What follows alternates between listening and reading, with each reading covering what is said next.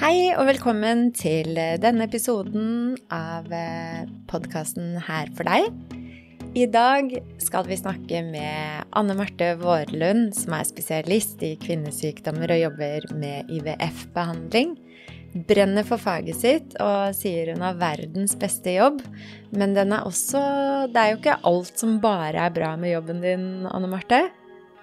Nei, eller det er i hvert fall eh, aspekter ved jobben som er viktig å ta tak i, og som kan være vanskelig for parene som kommer til oss. Altså det å stå i en fertilitetsproblematikk, det å ikke liksom oppnå noe man kanskje har sett for seg at man skal, eh, skal fikse selv hele livet. Og det er Det er ikke bare bare. Nei, og Nei. det er akkurat det vi skal snakke om i dag. Det er dagens tema. Hvordan stå i fertilitetsutfordringer. Både som kvinne, men hvordan er det for parforholdet? Hva gjør det med arbeidskapasiteten din og arbeidsplassen? Og alle rundt. For det omfavner jo ikke bare den kvinnen som står i det, det er jo alle rundt også. Og det er store følelser, og mm, ja, jeg er så glad for at du er her med oss i dag, og at eh, vi kan snakke om din erfaring eh, rundt dette, og eventuelt eh, finne råd til de som, som står i det. Fordi det å bli gravid er jo noe vi ser for oss eh, tidlig i livet. Kanskje kommer det litt senere i livet, men man tenker jo ofte ikke på at det skal bli en utfordring. Men for mange så er det en utfordring. Og én av syv par trenger faktisk hjelp for å bli gravide. Noen lykkes, andre ikke, og ofte så kreves det mange forsøk. Vi har spilt inn en episode med fertilitetsbehan om fertilitetsbehandling, og hvordan det praktiske rundt det skjer. I dag har jeg lyst til å fokusere på hva som skjer på innsiden av menneskene som står i det. Og når det er så mange som opplever det, så lurer jeg bare på hvordan, hvordan er det egentlig å stå i og oppleve at man prøver og ikke klarer å bli gravid gang på gang på gang? Jeg tror nok at mange opplever eh, det som veldig vanskelig. Det er jo I dagens samfunn så er man veldig eh, flinke til å fikse alt selv. Man er vant til at man får til ofte mye eller alt av det man setter seg fore. Og så er eh, det å få barn kanskje noe man har sett for seg hele livet at liksom er eh, noe av det viktigste man skal oppleve. Eh, Og det å føle at det er noe man ikke får til, at man ikke har kontroll over det selv, er nok utfordrende for mange. Og mange kan nok kanskje føle litt på en sånn at man blir litt sånn eh, sviktet av kroppen sin, eller at man er mislykket, eller hvorfor skulle dette skje meg, eller eh, så, så en sånn generell følelse av at dette er utenfor min kontroll, eh, tror jeg er vanskelig for mange. Og så tror jeg nok at hovedutfordringen, eller det man kanskje kjenner sterkest på i forhold til eh, til det som er vanskelig med infertilitet, det er at det er ingen som kan si at det kommer helt sikkert til å gå. Jeg kan ikke si det, ingen andre kan heller si at hvis du bare gjør sånn og sånn, eller vi gjør så og så mange forsøk, da får du barn. Ja, vi kan si at det er sannsynlig, men vi kan ikke si at det er sikkert. Og den lille angsten som ligger der for at tenk om det aldri skal bli, eh, den er veldig vanskelig å forholde seg til. Og den er ofte noe man kan se skyve bort til et lite mørkt sted langt inne, og ikke helt tør å kjenne på. For det er en ubehagelig følelse. Mm. Ja, det er den mangelen på kontroll og den uh, Usikkerheten. usikkerheten, og så bestemmer man seg kanskje for å gå og få hjelp, få behandling. Uh, og så får man den første behandlingen, og så går ikke det så bra. Og så baller dette på seg. Uh, og hvordan, hvordan opplever du at par hvordan, hvordan spiller en slik prosess inn på parforholdet? Det er jo veldig forskjellig fra par til par, naturligvis. Eh, Jeg tror at de som opplever at de, eh, at de står best i det som par, er de som, er, eh, som har en god dialog seg imellom sånn til vanlig, og som er vant til å snakke om ting. Og det er det jo ikke alle som er. Eh, Så ofte så kan man kanskje lete litt etter etter de riktige ordene, eller uh, syns det er vanskelig å liksom skulle sette ord på de følelsene man har. Og så er man veldig forskjellig i hvordan man håndterer en sånn type situasjon. Sånn at uh, uh, det er ikke alltid like lett å støtte en partner, fordi at man, uh, man håndterer det på veldig forskjellige måter og tolker alt ut ifra sitt ståsted. Så eh, jeg Ja, ikke sant. Og de ståstedene er jo veldig ulike Mm. mellom en mann og en kvinne. Eh, For en kvinne som står i det, får også mye fysiske plager i form av bivirkninger, eller i form av at disse blødningene kjenner man på kroppen. Eh, selv en forventning om at 'å ja, nå har jeg ekstra lyst på kanelbolle', og så går man i to uker og tenker at fra eggløsning til, til potensiell menstruasjon at 'å, er dette graviditet? Er det graviditet?' Mens en mann som står på sidelinjen eh, kjenner det jo kanskje ikke så på egen kropp, og det kan jo være godt på ett vis, men også frustrerende på en annen å se partner som har det så vondt, eller eh, som går med alle disse forventningene og sånt. Det, så jeg tror nok at eh, sånn som du sier, det å prate om det er viktig, men eh, er det mulig å vite hvordan det blir for en før man egentlig står der? Nei, det tror jeg er vanskelig. Jeg tror, eh, jeg tror eh, Kanskje et dumt spørsmål, Nei, men jeg har bare lyst til å løfte frem Jeg tror det er vanskelig, vanskelig å vite hvordan man skal liksom, reagere på en sånn type, uh, type situasjon. Jeg tror, tror eh, den følelsen av mangel på kontroll uh, er liksom Ja, den har man kanskje ikke vært borti før, så man vet kanskje ikke helt hvordan man, man skal reagere på det. Og så er det veldig sårbart, og så skal man da i tillegg oppsøke hjelp. Eh, man skal snakke med noen man ikke kjenner. Man skal eh, få en gynekologisk undersøkelse. Der man skal kanskje i gang med behandling. Det er mange sånne ting som kan oppleves som veldig skummelt og, og, og i en sårbar situasjon. Um, og igjen da på parforholdet så er det jo ofte sånn at skal man i gang med en behandling, så er det jo veldig mye som fokuserer på kvinnen i forhold til behandling, injeksjoner, hvis man skal i gang med det, eller prøverør, egguttak, sånne ting.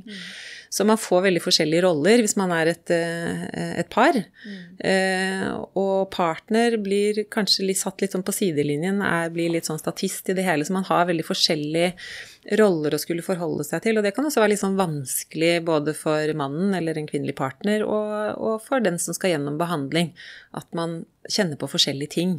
Um, så jeg tenker um, generelt sett så mener jeg at alle som kommer til Og det er vanskelig å få til, og det er absolutt ikke sånn at uh, det er sånn for alle, men, men kommer man gjennom en, uh, en, utredning og man lander på at man trenger behandling, og man går gjennom første forsøk og man er i mål, og man er blitt gravid og det ordner seg, da er det en såpass kortvarig belastning at de fleste håndterer det relativt bra. Men de fleste, eller veldig mange, må jo gjennom mer enn ett f.eks. IVF-forsøk. Og med en gang man har hatt ett eller flere negative forsøk, så blir den belastningen så mye større at for veldig mange så hadde det nok vært godt å ha noen å prate med. Om det er samtale med en coach, enten sammen eller, eller en psykolog, eller hver for seg. Det er litt sånn forskjellig fra par til par, men det er nok lett lettere å snakke om de tingene, og kanskje det er vanskelig man har dyttet langt bort og gjemt fordi man syns det er skummelt å tenke på 'tenk om det aldri går'. Mm. Noen syns det er lettere å dele det med en tredjepart som er flink på til å stille de gode spørsmålene, f.eks. Eller at man har en god venninne, eller man snakker med noen i familien, eller man trenger noen å lufte tingene med. Og det kan være hvem som helst, men, men, det er en ganske heftig situasjon å stå i, som er mye oppturer, eller mye nedturer, og forhåpentligvis opptur til slutt, da. Men det er en berg-og-dal-bane, som du sa.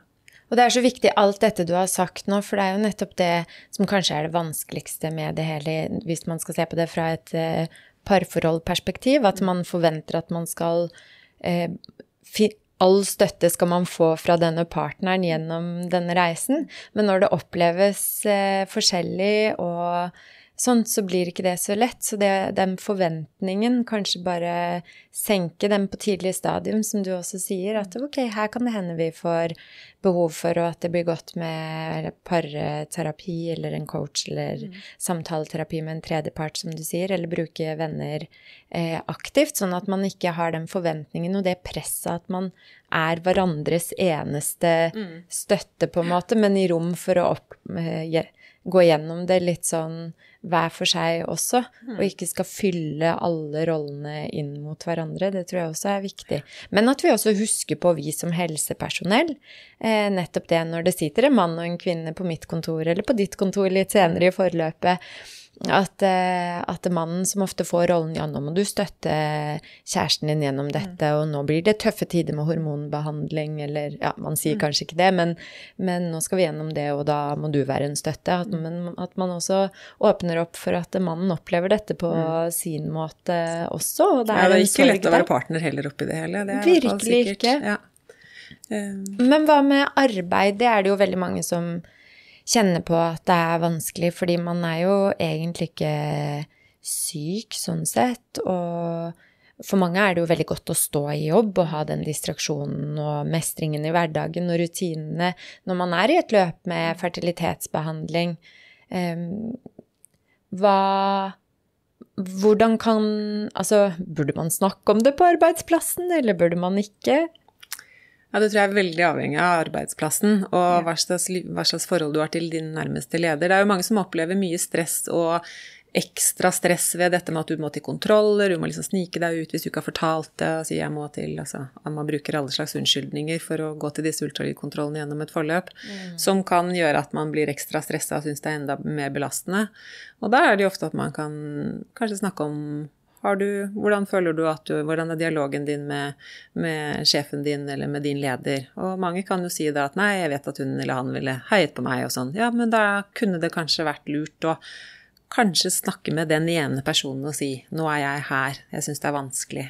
Mm. Jeg vil gjerne være på jobb, men jeg må ut i noen kontroller. Og det, erfaringsmessig så syns nok mange at det er godt å ha en som da vet om det, sånn at du kan gå på de kontrollene uten at du hele tiden må lage en sånn unnskyldning mm. til sjefen om hvorfor du må ut en tur. Eh, men eh, har du en vanskelig sjef, da, eller eh, du føler at det er vanskelig for du står i et kortvarig vikariat eller noe sånt, så, så kan det nok kanskje være like greit å la det være. Og så tror jeg eh, når det kommer til det hvor mange man liksom innlemmer i prosessen, der er det også veldig individuelt. Mm. Eh, mange syns det er godt å ha, som jeg sa, noen venner som heier.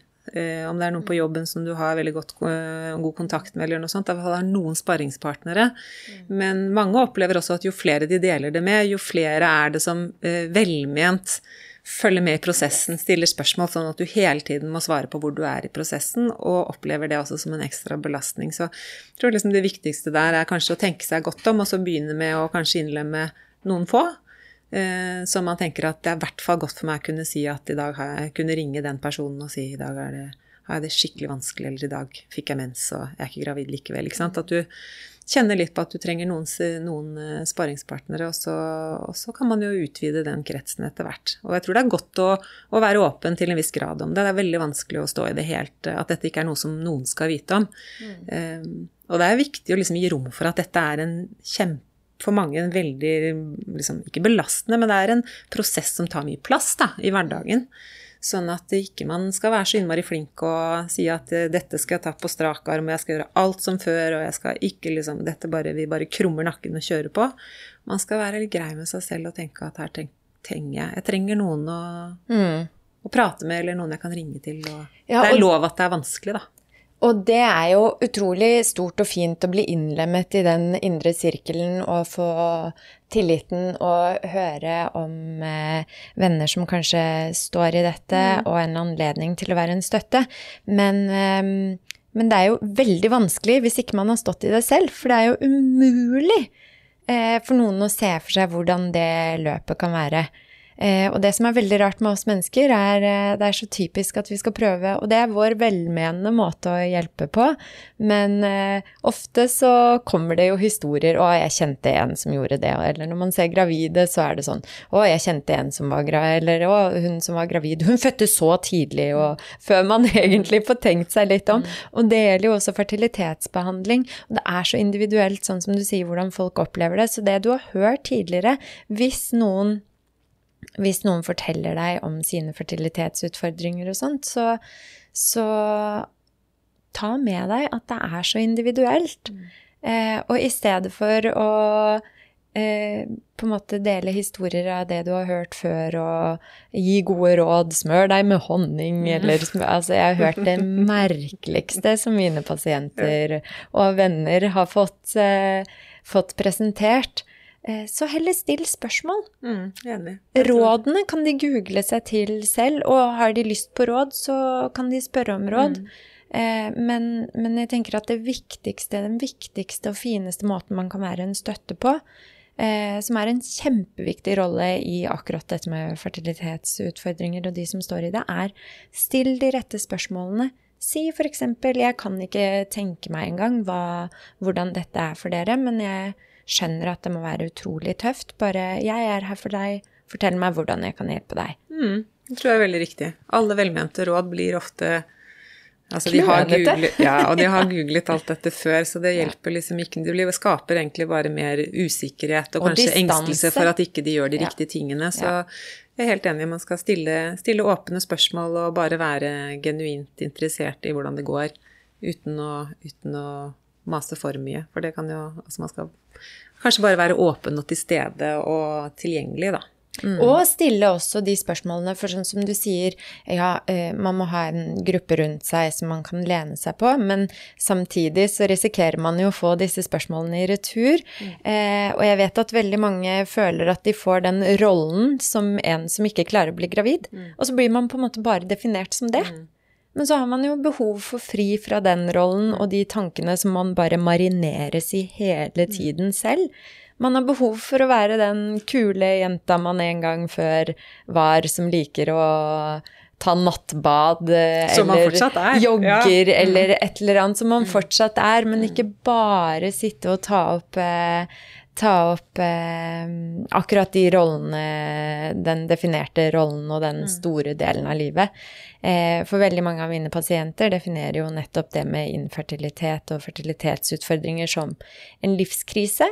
Det er det. Og det kan jeg jo forstå. Det er jo noe Det ligger jo både Det er jo både drømmer som på en måte vi skaper oss, men også instinkter vi har på innsiden av oss som er sterkere enn oss. Eh, vi er født til å formere oss og eh, gå videre på den måten. Mm.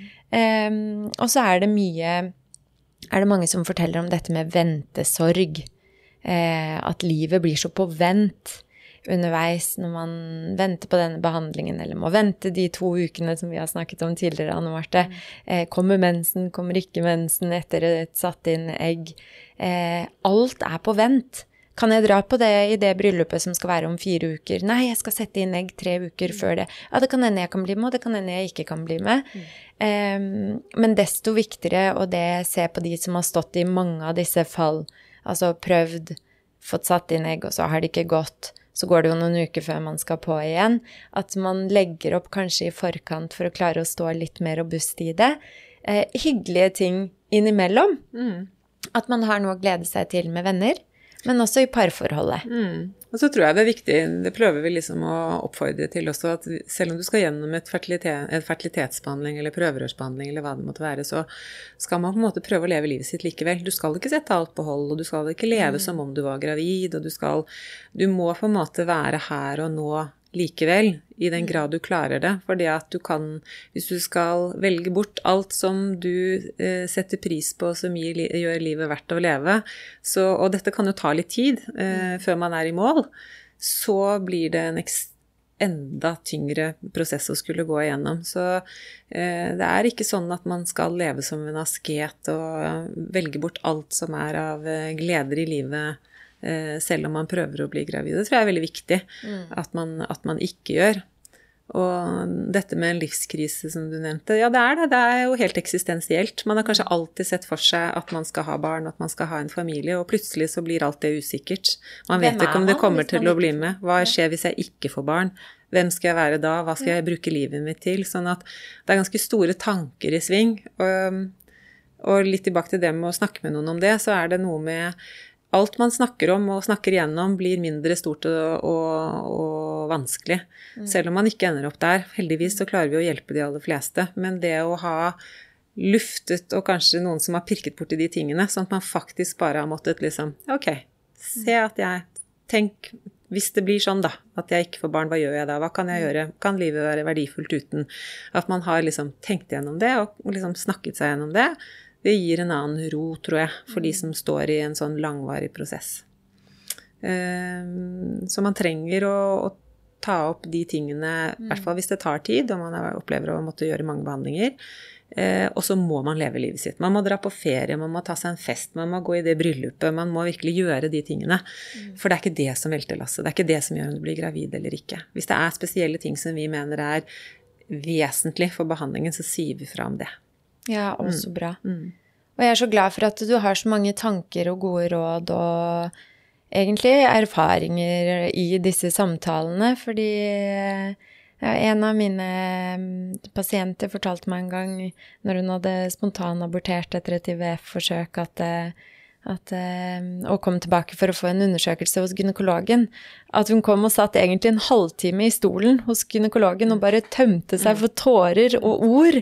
Eh, og selve gynekologisk undersøkelsen tok 30 sekunder, mm. som hun egentlig var, var, der for. Men at den fineste opplevelsen var nettopp det at eh, den behandleren så hva hun trengte akkurat der og da, og bare omfavnet det. Og det gjorde det så mye enklere å stå i. Så det tror jeg også er viktig for oss eh, helsepersonell og huske på at én uh, ting er det fysiske, en annen ting er det mentale, som definitivt spiller en veldig mm. stor rolle her. Det er jo i utgangspunktet en viktig, veldig viktig del av det, og absolutt en av de fasettene i min jobb som jeg tenker gjør den så verdifull. Da. Både fordi man kan følge og som lett blir gravide, selv om de har stått og vært veldig ekstremt usikre og stressa i utgangspunktet, men også de som strever lengre. At man kan uh, hjelpe dem gjennom prosessen. Eh, og, og, støtte dem sånn rent psykisk også. Og, og, gi dem gode råd og gi dem tid til å tømme seg for alt som er av, av frustrasjon og, og, engstelse også. Eh, men i tillegg kanskje man bør snakke med noen som er utdannet akkurat på det, da, ikke sant? i mm. forhold til dette med psykolog og sånt også. Det, jeg er fortsatt til gode å høre at det er noen som har kommet tilbake etter en samtale med psykolog og sagt at eh, nei, det var bortkastet. Ja. De fleste har godt, godt av det. Ja. Godt poeng. Ja. Men jeg er så glad for at vi har sånne som deg, Anne Marte, i teamet på Volvat som jobber med fertilitet og fertilitetsbehandling. For det er akkurat sånne folk eh, man skulle ønske man møtte på hvis man eh, sto i noe sånt selv. Så tusen, tusen takk for praten i dag. Eh, og så håper jeg til dere der hjemme at hvis dere kjenner noen som sliter med det, eh, eller som har utfordringer, eller er partner, eh, eller noe sånt, at dere deler episoden med de som kan ha godt av å få litt råd om kanskje hva man kan si, hva man ikke bør si, eh, osv. Eh, jeg har i hvert fall eh, lært masse i dag, så takk til Anne Marte en gang til. Og takk til alle dere der hjemme som har lyttet til oss i dag. Vi høres neste uke.